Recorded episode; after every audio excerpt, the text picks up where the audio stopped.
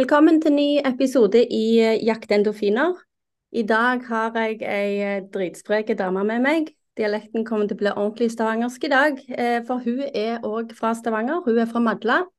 Hun er 45 år i år og er en åtte ganger VM-holder i kitesurf på vann. Og tolv ganger kitesurf på snø har vært med på 'Mesternes mester' i 2015. Finner på masse sprell. Er vel en eh, fri sjel. Og bor delvis i bobil og en container, og det kommer vi tilbake til. Velkommen, Kari Skipevåg. Jo, takk, takk, takk. du er i bobilen over Zoom. ja, jeg er her i, eh, i huset mitt. I, I, huset ditt, ja. I Stavangerhuset. Ja, eller det er jo Jeg føler det er sånn verdenshuset mitt. Jeg tar det jo med overalt som jeg eh, ja, reiser og ja, befinner meg. Ja, og så har du det andre uh, huset ditt i, som står fast. Det står i Lofoten. Kjører du da bobilen ned til Stavanger når du skal være nede i Stavanger? Uh, ja, da må jeg jo ta med meg huset videre. Så jeg er jo alltid sånn, jeg tar det jo alltid som en tur når jeg er ute på reise. Hvis jeg skal f.eks. opp til Lofoten, da, så tar jeg og Eh, planlegge litt sånne stopp. Sånn at jeg får gjort litt her og der ut ifra vær og vind. Så, og det er det som er så deilig når du har bobil, at du kan stoppe den. Hvile, eller ta deg en fjelltur, ta deg en kitetur eller vingetur eller et eller annet. Så jeg må jo utnytte det. Det er jo derfor jeg har bobil. ja, du kjører vel ikke den raskeste veien opp nord? Du tar vel Nei, for den er ofte ikke den fineste. Så da ja. kjører jeg ofte litt sånn krinkelkroker. ja, ikke sant. Du eh, er jo fra Madla og eh, vokste opp på slutten av 70-tallet. Hvordan var du som eh, lita jente? Var du aktiv da òg? Uh, ja, nå husker jeg ikke helt hvordan jeg var når jeg var veldig liten. Men uh, ja, altså Vi begynte jo Jeg begynte jo å konkurrere som fireåring på ski. Alpint. Ja. Så jeg uh, har jo fått det inn fra jeg var liten da, at idrett er bra. Eh, og jeg har jo hatt to foreldre som har vært med og heia på siden vi var små. Så eh, ja, jeg tror jeg hadde ganske mye energi som liten, og jeg tror jeg ikke var den letteste jenta å ha med å gjøre. Men eh, de, de, holder nå ut ennå, de der foreldrene mine, så ja. Ja, de er glad i deg ennå, det er bra. ja ja, jeg tror det. Jeg håper det. ja. Når du hadde gym, hvem var du i gymmen? Hvordan oppførte du deg der? I gymmen, da var jeg, tror jeg, en av gutta. Eh, jeg elska det å spille fotball og det å spille på lag og den delen der, da. Eh, men jeg var jo glad i absolutt alt som hadde gym. Det var jo mitt fag.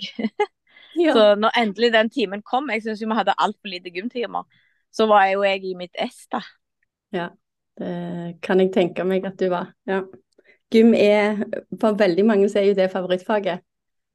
Ja, eh, og det skulle jo vært mer gym, i hvert fall sånn som jeg ser det nå, med hvordan eh, ungene blir nå med både balanse og motorikk og alt det. Det er nesten sånn at det, det faget burde blitt prioritert litt mer. Ja, og bare òg med hvordan uh, utviklinga går med så mye problemer med, med overvekt og, og, spising generelt. Mm. At det er for lite eller for mye, mm, eller feil.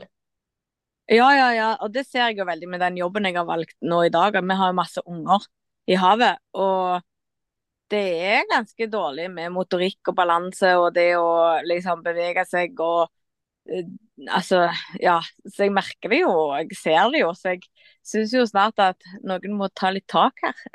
Ja, og du, du, sier når du jobber, så det sier jo da at det, det er jo ikke konkurranser. Da er det jo med firma som du har starta. Kan du fortelle litt om det? Eh, jo, for nå har jeg starta eh, vannsportsenter, eller eh, pluss, pluss. Det er et vannsportsenter som vi har Jeg starta det i Lofoten. Eh, også nå har vi òg avdeling her på Sola strandhotell. Eh, og da tar vi med oss både de som kan kite, vinger og alt sånn, men òg nybegynnere på surf og vinging og kiting og kajakk og SUP og alle den her greia her. Eh, og barn. Så da har vi jo barnedager som vi har med unger ute i, sånn at de får vanntilvenning, sier jeg. Ja. Hva er vinging? Vinging er en ny idrett, så er begynt, så det er mellomting mellom windsurf og kiting. Det er der Ja. du holder i en vinge, og så foiler du av gårde. Så hvis dere skal se hva dette er, så må dere søke på wingfoiling. Og for de som gjerne ikke vet eh, hva kiting er òg, så min, eh, mitt eh, forklaring av det er jo rett og slett eh, nesten en eh, paraglider ute på vannet. Eller eh, for de som gjør det på snøen, så er det med slalåmski, men det er vel helt sikkert ikke slalåmski. Eh, jo, det er slalåm, eller oh, ja. sånne som vi kaller det. Um, sånn at du kan gå tilbake hvis vinden stopper. um, men, eller snowboard. Eh, Men det er jo ja, en skjerm som du har i lina som er ca. 23 meter, og så blir du dratt av gårde med vinden. ja. Mm. Og wingfoil er jo nesten det samme, bare at du har ikke de linene. Du holder vingen i hendene. Oi, oi. Ja, dette her tror jeg vi googler etterpå. Ja. det, det bør eh, testes ut. Ja, Veldig det, gøy. jeg er ganske skeptisk til vann, og jeg syns jeg har vært flink nok med bare å lære å crawle, så da Det er greit at vi har forskjellige interesser, og noen eh, er tøffere på Eller vi er tøffe på forskjellige arenaer. Det er veldig greit. Ja ja, men det går an å gjøre på snø òg. Ja, ja, ja, sant. Mm. Men eh, du har jo noen hopp som er sykt eh, høye. Det ser ut som du skal lette og begynne å fly. Ja, men det som er deilig med kiting, er at du har liksom litt kontroll på i hvert fall de fleste hopper. Så mm, Men det er jo det som er deilig. Ja, ikke sant. Alle har jo lyst til å fly litt. Ja, ikke sant. Ja, det er sant. Det er jo derfor gjerne når du sier hva dyr skulle du vært, så er det ofte fugl eller fisk folk sier. Så Ja. mm. Du er vel en del av begge to, du da? ja ørn og spekkhogger. Ja, Men sant. de er høyest, høyest på eh, den der stigen. Ah, smart. Ja, Ja, og du, Ingen kan ta meg. ja, apropos spekkhoggere. Så har jo sett video av deg eh, på SUP med spekkhoggere. Ja, ja. Eh, det skjer oppe i eh, nord, så vi begynte jo rundt Tromsø-området Senja, og så nå har de flytta seg opp til Skjervøy. Så jeg har jo vært i jeg tror det er syv sesonger nå med de der vi svømmer med og er med, eh, med brett og Så det er jo knallgøy. Det er jo en av mine favorittting. Det å kunne være så nære et av mine favorittdyr, det er i det fri. Det er veldig stort. Så jeg er jo sånn November var egentlig en veldig kjedelig måned, men nå er november en av favorittmånedene.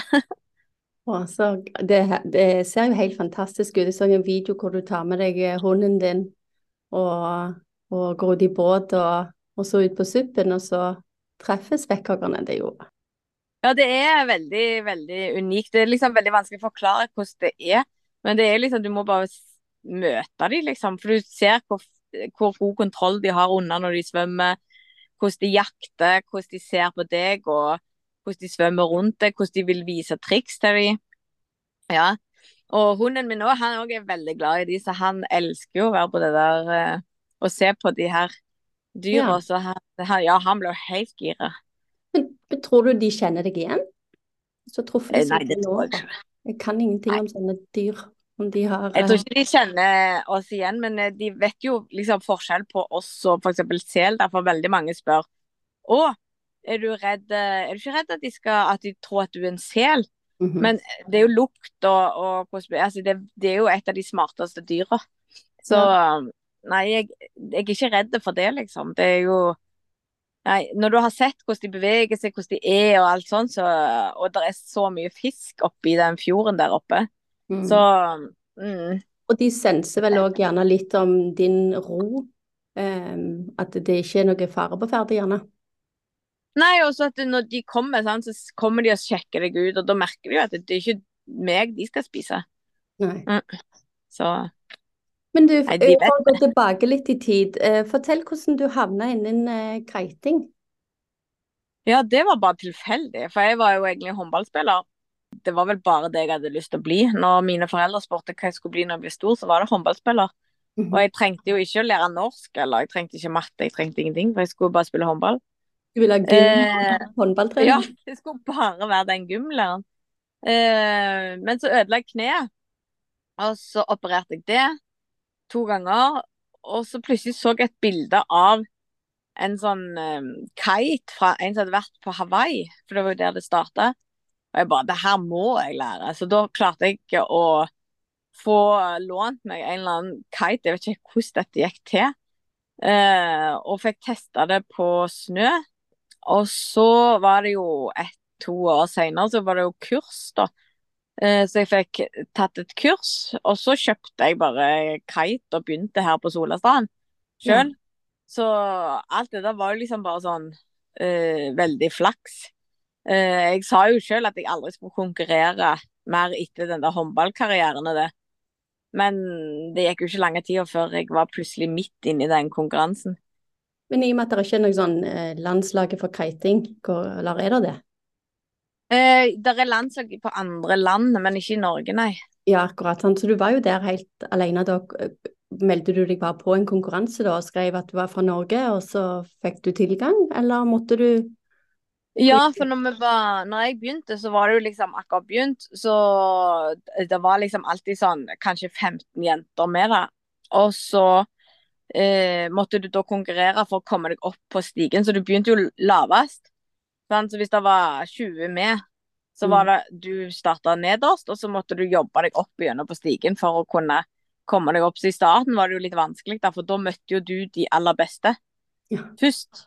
Han, så du bare Å, gud, hvordan skal du Men sant, og da når du henger i det miljøet, så blir du jo motivert til å trene. Du ser hva de andre trener på, og så begynte jeg å reise sammen med de. Så det òg var jo litt gøy å være i, for da følte du at du var litt på et uh, lag, liksom, men du òg var bitre fiender, for du skulle jo òg konkurrere. så det var en sånn litt sånn vanskelig situasjon, men det var veldig gøy. Så det var et så... inkluderende eh, miljø, eh, og, men allikevel du stiller til start, og så er det go. Ja, så det, det var veldig inkluderende, for du fikk jo venner. Men du måtte jo òg lære da å tape og vinne. Mm. For du skulle ikke ja, mm. være veldig sint på hun som slo deg ut, eller du skulle ikke være veldig glad for at du slo ut hun så du bor på rommet, liksom. Mm. Så, men det var Det ble jo sånn at du da pusha for å bli bedre og bedre, og det var jo gøy. Og, men det var på vann, da, så da var det i varmere land? Ja, så da mm. reiste du jo, du reiste med verdenscupen. Som f.eks. hvis cupen var i Brasil, da, så var jeg ofte der eh, før konkurransen for å trene og sånn. Eh, og så var vi på konkurransen, og så reiste vi f.eks. til Sør-Afrika hvis den var der. Og så var du der, og så var det veldig ofte pause mellom konkurransen, så du hadde jo sjanse til å være der da, for da var det jo sesong der. Mm. Og dette i tidlig 20-åra, eller? Ja. ja. Og så utøve. ja, og utøve. Ja. jeg nekta jo å slutte, jeg. hva, hva tid var sist gang du var med i en konkurranse, da? Nei, det var For jeg var jo med på 'Mesterens mester', men det er jo sånn når du driver konkurranse, så er det jo veldig vanskelig å slutte. Så plutselig så var jeg jo med litt på eh, snø igjen. Så rett før covid var jeg med på VM igjen i Da var det i Frankrike og Canada. Mm -hmm. eh, så det var siste gang jeg konkurrerte. Så covid gjorde vel sånn at da tenkte jeg OK, nå er det nok. Eh, nå, nå får jeg ta det til andre. Altså det å kose meg sjøl, da. Mm. Men eh, å reise så mye må jo ha vært litt av en kostnad, å ikke ha noe eh, landslag og backing av eh, Idrettsforbundet her hjemme. Hvordan, hvordan, var den erfaringen, og hvordan fikk du råd til det? Nei, først så hadde jeg jo jobb, så da brukte jeg jo de pengene der. Og så eh, hekla jeg litt luer og solgte det. Og så jobba jeg jo med å få sponsorer, og det var jo ikke enkelt, for det er jo en idrett som ikke er så supergodt kjent. Nå er den jo bedre, da, men uh, når jeg begynte, så var det jo ingen som visste egentlig hva det var. Mm. Um, og mediene er jo ikke de som hyler og skriker for å få skrive om det. Mm. Så det var jo en jobb både med å få det kjent i media, det med å søke støtte, det med å få kommunen til å støtte litt, f.eks. Og det at du vant NM og VM, så skulle du jo òg få støtte fra kommunene, disse delene. Så du måtte jo liksom jobbe sjøl med alt dette. Og da husker jeg sa til far så fader òg, altså nå forstår jeg hvorfor jeg kan Jeg burde jo fulgt litt bedre med på matten og norsken og engelsken, for nå måtte jo jeg gjøre alt sjøl. Men det var òg veldig bra, da, for da begynte jeg jo å lære ting med å vi måtte gjøre det. Mm. Så det var jo første gang jeg gikk inn til f.eks. å skulle søke støtte, så var, hadde jeg jo ingen plan. Og når jeg kom ut, bare tenkte jeg å gud, ja, hvordan på første spørsmål er hvorfor skal vi støtte deg? Og da ble jeg sånn eh, Ja, vet ikke jeg. Jeg skal selge meg sjøl. Ja, det var jo ikke så enkelt. Så da måtte jeg liksom øve litt på det. Eh, så det gikk jo bedre og bedre med salg og at jeg måtte bare føle at jeg solgte et produkt, ikke solgte meg sjøl. Men det er jo veldig vanskelig, så bare prøv liksom å gå Tenk dere sjøl at dere skal ut og selge dere sjøl. Det er jo sånn Du liker å skryte av deg sjøl. Det er ikke så veldig enkelt. Uh, men ja. Det, det sånn, gikk jo bedre og bedre da. ja, jeg jeg skrur på den der amerikanske beden. Jeg har bodd i USA i, i fire år. Så da er det ja. sånn, du må bare selge deg sjøl. Du må liksom bare tenke som en amerikaner. Jeg må jo liksom gjøre det samme med podkasten. Bare det der ja for at folk skal få høre om det. Så det er litt sånn eh, ja. ja, det er, men det òg går lettere og lettere, for du kommer inn i en sånn greie at du tenker jo OK, nå bare selger jeg produktet teitere, liksom. Uh, men det er lettere for meg å selge et kite-kurs inn på butikken enn å selge meg sjøl.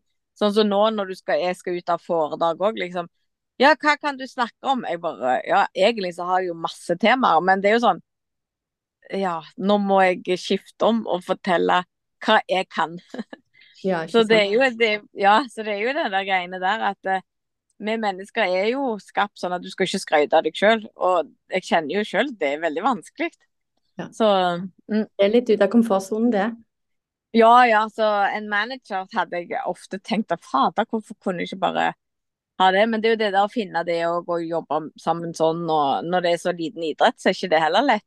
Nei, nei, nei. Vi er liksom ikke på landslaget i, uh, i ski, eller sånn som Haaland i fotball, liksom. Der går det jo av Det er jo bare Alle gjør alt. De skal bare fokusere på å spille fotball. Men jeg er veldig glad for at jeg har vært gjennom dette, for jeg har lært vanvittig mye om eh, økonomi, det å bestille reiser, det å tenke hva du skal spise, trening. eh, ja, det å verdsette alt som du får til da.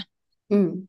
At jeg faktisk klarte å reise verden rundt med faktisk så lite penger som jeg hadde på den tida. Og nå at jeg klarer liksom det der å holde livet videre med hobbyen min, med det jeg elsker. Selv om jeg jobber døgnet rundt, så føler jeg ikke det, for at jeg jobber med noe jeg liker. Mm. Din lidenskap og din hobby. Ja, og da er det så mye enklere. Og da er det ikke sånn når folk booker meg inn på foredrag, så er det ikke sånn Å ja, jeg, eh, men jeg må ha den lønna. Sånn, jeg tenker liksom bare Å ja, det har jeg lyst til, for de folkene hadde vært kult å ha et foredrag for. Det er gøy at de har lyst til å ha meg, og, og så får du jo Ja, men lønn, ja. Ja, ja jeg må i hvert fall ha reisen, og så kanskje litt, for jeg skal jo spise, jeg òg. Så, så, du glemmer jo liksom ut det, for du gjør noe du faktisk liker og har lyst til.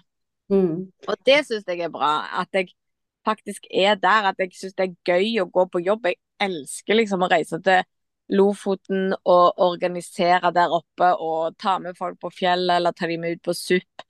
Være på Sola her og få folk ut i havet og lære de den nye idretten wingfoil eller kiting eller surf eller hva det er, liksom. Det å kunne gjøre det, at det faktisk det, det føles ikke som en jobb. Men det er jo jobb, men det er, det er jo det jeg liker. Ja, og jeg tenker òg at gjerne når du drev med kiting og var på konkurranser og, og begynte å drive din egen med sponsing og alt det der, og gjøre hele jobben sjøl, da, gjerne det òg drev deg på konkurransene, for du visste at dette, nå gjør jeg jo det jeg egentlig elsker, og alt det andre er bare det jeg gjør for å få gjort akkurat dette. Og nå lærer du vekk mye av det, eller det som du kan da, innen så mange segmenter, til andre, og så ser du deres treningsglede. Det må jo ja, være ja. enormt sånn, uh, deilig å få den tilbakemeldingen hver gang du lærer noen noe. Ja, det er jo litt gøy. Nå hadde jeg han eh, seg tante til da i går på barnedag. Og det var jo veldig gøy å se den mestringsfølelsen han fikk ved å bare surfe verdens minste bølge, men han surfa inn gjennom. Og bare opp med hendene og den gleden han hadde da, at nå skulle han surfe. Og det er jo sånn jeg bare åh, herlighet, det er deilig at noen rundt meg i min familie òg liker faktisk litt av det som jeg driver på med, for det er jo en veldig spesiell liten idrett. Ja. Men det er veldig gøy å se at faktisk de som er så nære meg, da, eller som bør være så nære, siden jeg ikke har en familie sjøl, så er det gøy å se på det der at å ja, OK, jeg kan faktisk lære ungene den eh, litt av dette her greiene, og at eh, de ser at vi voksne òg leker og er med på disse tingene. Mm. Ja, og det er viktig å, å, vise at vi kan ha det, ha det kjekt og, og, lære nye ting og, og pushe grenser. Det... Ja, det, jeg, jeg, er jo på det der med at kom igjen, vi trenger ikke være voksne, altså vi skal være voksne, men vi må kunne ha det gøy å leke og gjøre idrett. Og kunne ja, ikke bare liksom gå på et helsestudio og pushe styrke og gjøre det og det, men at du kan være i havet og leke med ungene og bruke det som en treningstime, ja. eh, da, liksom, og vise de at du òg detter og ramler og prøver liksom å styre. Eh, ja. og da får du jo vist hvert Det er en helt annen glede da med å være med ungene på den måten, føler jeg. Men det er jo ikke alltid det jeg sier det er riktig. Nei, men jeg tenker det der med å kunne vise unger at vi kan gjøre feil, men vi har det løye for det, og at all aktivitet er jo en aktivitet, det er jo trening. Så det er jo mm. så sunt for alle, om det så er unger eller, eller voksne. Og bare det der at vi, det er jo ingen som er gode på det i starten, vi må jo øve. Ja, vi må trene. Det er jo det, det som er bra, liksom, er at eh, Hva var det når jeg begynte med den nye idretten wingfoil, så husker jeg han storebror min skulle være med og se. Og så Du kaver jo i starten. Jeg trodde du kunne dette her, jeg. Men jeg har jo akkurat begynt. Det, det, det, er jo ikke akkurat som det er akkurat likt kiting, liksom. Bare fordi du er god i én idrett, så er du ikke god i alt. Og det er jo litt bra at det, det, tar tid å lære ting. Ja. Mm. Og det er jo Tålmodighet er jo veldig viktig. Mm. Spesielt i dagens samfunn. At det er viktig å kunne. Du må bruke litt tid på å lære ting. Ja, Uansett om det er matte eller norsk, eller om det er mm. Går det jo litt fortere for enn andre, men sånn er det jo. Ja, men eh, når du begynte med det med, med wing, som du sa, er, er det for, eh, for, å pushe dine grenser, og for det du er interessert i eh, endringene i sporten du har drevet med? Altså det kommer noe nytt, og du vil teste det? Er det eventyrlysten i deg som, som gjør at du vil lære enda mer? Ja, det er jo det at altså, jeg driver jo med ganske mye. Jeg driver jo med surfing og kiting og SUP og nå wingfoil, og så fridykker jeg, og så sykler jeg i skogen, og så går jeg på fjellet, og så går jeg Nå har jeg òg akkurat tatt jaktlappen. Oi. Så det er jo liksom det der med at um, jeg liker jo å gjøre masse ting ute. Jeg liker ikke å gjøre én ting. Mm. Og det er jo derfor jeg bor i bobil òg, for jeg liker ikke å bo på én plass. Ja. Jeg får helt panikk jeg, hvis jeg må bo på én plass. Samme utsikten, samme huset, samme ditt. Altså, det er jo det der med at jeg har lyst til å gjøre forskjellige ting. Og når du er i Norge og har dette fine landet, så er det ikke bra å surfe hver dag. Men da er det bra for noe annet. Og det liker jeg så godt med alle de idrettene jeg gjør, at det er alltid noe du kan gjøre. Og vi har jo dette landet her, og det er jo helt perfekt for alle disse tingene. Ja, vi trenger jo egentlig ikke reise noe særlig langt. Jeg har jo sett òg hvor mange som bare på, ut på strendene i, utfører Stavanger, da, hvordan eh, de faktisk tester ut det med å lære å surfe eller vindsurfe eh, med hansker og eh, sko, holdt på å si, altså de strømpene. Altså, eh, det trenger ikke være midt på sommeren, det kan være utpå høsten. Eh, ja, ja. Folk strekker den strikken lenger, for før så var det jo mer sånn nei, det kan vi kjøre, det er ikke sesong. Mm. Ja, og nå har vi så bra utstyr òg at den sesongen er jo så Altså, jeg var jo ute i januar her, og det var alle Jeg la ut et bilde, alle bare hvor, hvor, er du hen i Syden? Jeg bare Nei, på Sola strandhotell, liksom. De bare what? Så det er jo det at vårt land er så langt, så du kan få alt på mm. hele året. Så det er jo det Jeg er jo sånn jeg trenger ikke reise så mye ut av Norge. Eh, for vi har så fantastisk land. Og spesielt jeg som har bobilder som kan reise på Hardangervidda og være der, eller opp i Sirdalen, eller inn i, i, opp til Lofoten, Hjelmeland, overalt. Sånne plasser da som Der er jo Vi har så sykt mye forskjellig natur. Og jeg blir jo aldri lei det der greiene der. Det er jo helt Og alltid noe nytt. Så da på en måte så jakter du endorfiner eh, så å si hver dag, så lenge du eh, ikke har et kurs da, og du skal lære noe? Ja, men det er jo liksom det der Jeg får jo helt sånn Det er fint vær, jeg må ut og oppleve noe. Altså, jeg, jeg er jo der. Og hvis det er dårlig vær, så kan jeg liksom gå ned og fridykke eller gjøre noe annet. Du kan jo gå og være ute selv om det er dårlig vær. Så, ja. men det er jo det der med å kunne være ute. Det er ny utsikt, nye ting. Være ute og få den lufta. Altså, hvis ikke jeg gjør det, så blir jeg jo helt gal. Da er jeg sur og grinte. Ja, ja, ja. Eh, da er det ingen som har lyst til å være rundt meg. Kjenner til den følelsen. Blir for rastløs hvis jeg ikke får gjort noe aktivitet. Hva tenker du eh, kan være det beste rådet til å gi til folk som eh, ikke vet helt eh, hvordan de skal komme i gang med en vannsport? Hvis det er noen som har hatt lyst til å prøve noe, er, er det liksom bare det der å gjøre det? Er det så enkelt? Tenker du? Ja, det å ta kurs, for da slipper du det der med å kjøpe inn og tenke og gjøre sånn, men da får du òg tilbakemelding på hva du skal gjøre. og hva som passer for den dagen, f.eks. Hvis du vil surfe, ta et surfekurs eller kiting, eller før du liksom Å, jeg skal begynne å kite, jeg kjøper utstyr og bla, bla, bla. Nei, gå og prøv det, liksom. Først og prøv ofte forskjellige idretter. For mm. det er jo sånn, du merker fort om dette her er noe for deg eller ikke. Og hvis du vil gå på fjellet, f.eks., du trenger ikke ta de lengste turene. Bare ta med deg en primus ut og gå og ta en kaffe liksom, på ei brygge eller et eller annet sånt i fjæra i starten, med å ikke å, herlighet, nå må jeg gå Bessengen, eller jeg må på, opp på et eller annet høyt fjell. For at eh, jeg må ha Nei, legg det ned list, og så jobber du deg oppover til det som, du, som er målet, da. Mm. Så det å ikke måtte gå all in med en gang, men å begynne rolig. Det samme er det jo med vanlig trening. At å gud, jeg må komme meg i form. Da skal du ikke begynne å trene hver dag. For da slutter du jo etter ei uke. Ja, så det, det må være lyst på Ja, det må være noe du liker. Mm. Og du må lage det til sånn at du syns det er bra. Mm. Ja, for det, når du først begynner med noe, så har du lyst til å gjøre det Eller som altså, du liker, du tester ut noe som du liker, da gleder du deg til neste gang. Men så er det det der å ha roen i kroppen til å kunne vente eh, de dagene som du gjerne trenger for, for at kroppen skal komme seg litt igjen. For den får jo litt sjokk vi starter med noe nytt, og så heller prøve igjen. Eh, om, eh, om, det så er dagen etterpå eller om to-tre dager for å ikke gå altfor hardt ut. Og eventuelt ja, ja, ja. Mm. Mm.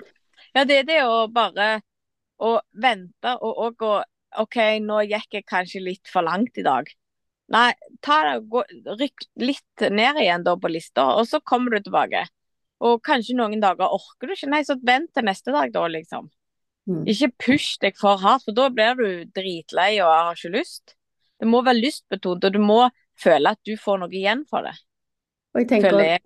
Ja, jeg, jeg, bare tenker, jeg har jo aldri eh, surfa, vindsurfa, jeg har ikke gjort noen ting av de tingene du har gjort. Men jeg bare ser for meg det der at hvis du detter av, og så må du, du må reise deg opp igjen, så er det det der du begynner jo ikke på null. For det, hver gang så er det jo en ny erfaring over på balansen.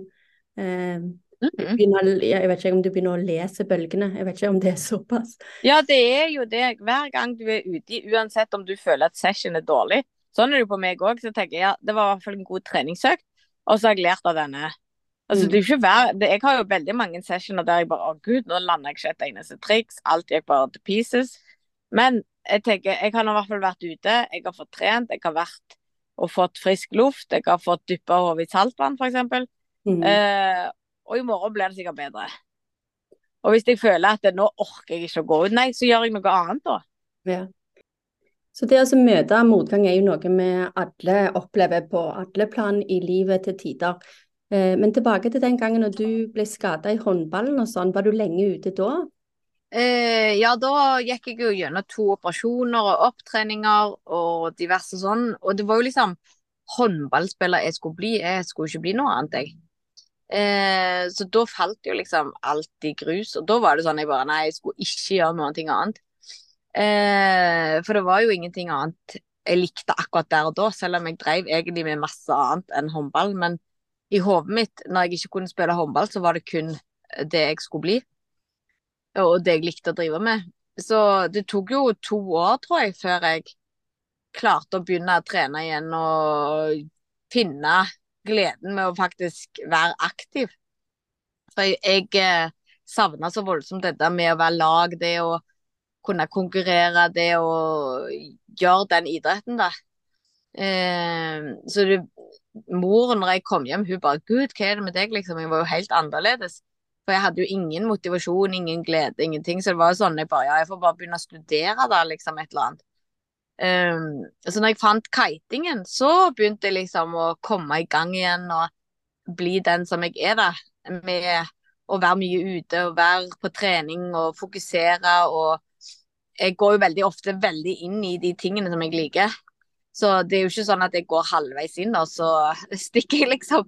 Men jeg mm. er jo veldig sånn som så liksom følger med på hvordan skal du gjøre det, hvordan skal du bli bedre, hvordan skal du trene, hvordan skal du For jeg har jo lyst til å bli bedre i de tingene jeg gjør. Så Men altså det tar litt tid. når Jeg føler liksom det å finne det som du liker, det er da du klarer å holde det ved like og fortsette. Ja. Hvis du gjør det bare fordi at å gud, jeg må trene pga. at andre trener, og at jeg skal holde meg i shape og sånn, så blir det ofte tyngre å gå og gjøre det, enn at du har funnet noe som faktisk du liker. Mm. Ja, det er jo litt sånn, Jeg eh, begynte jo å springe fordi jeg skulle være med på sentrumsløpet. Mm. Eh, og når jeg måtte øve og trene til å kunne springe sentrumsløpet, så syntes jeg det var pyton. Ja, ja. Men det var så kjekt å være med på løp at jeg fortsatte jo å trene til neste års løp for at jeg ville være med på løpet. Og så ja. gikk det noen år, og så bare digga jeg det. Så nå er jo jeg den som gjerne kan bli rastløs og småsur hvis jeg ikke får sprunget. Eh, ja, ja. Sant? Så det, ja, for det er å finne den lille nisjen som du syns er gøy.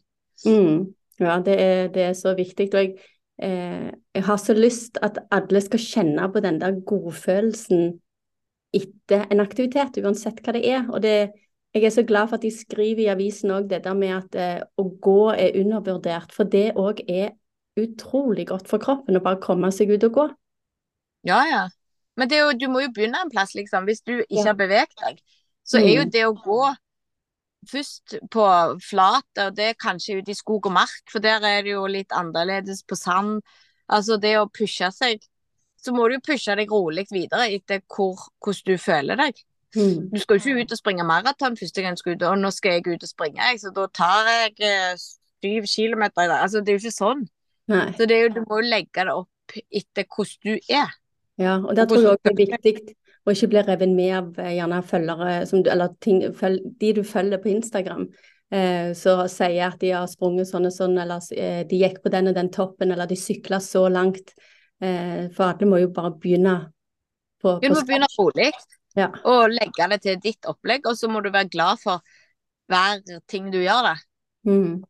Og det er jo sånn av og til når jeg har vært ute i og vinga og det har vært dårlig vind, et eller annet, så tenker jeg ja, jeg har i hvert fall vært ute og krangla med vinden, liksom. Så jeg har i hvert fall gjort noe.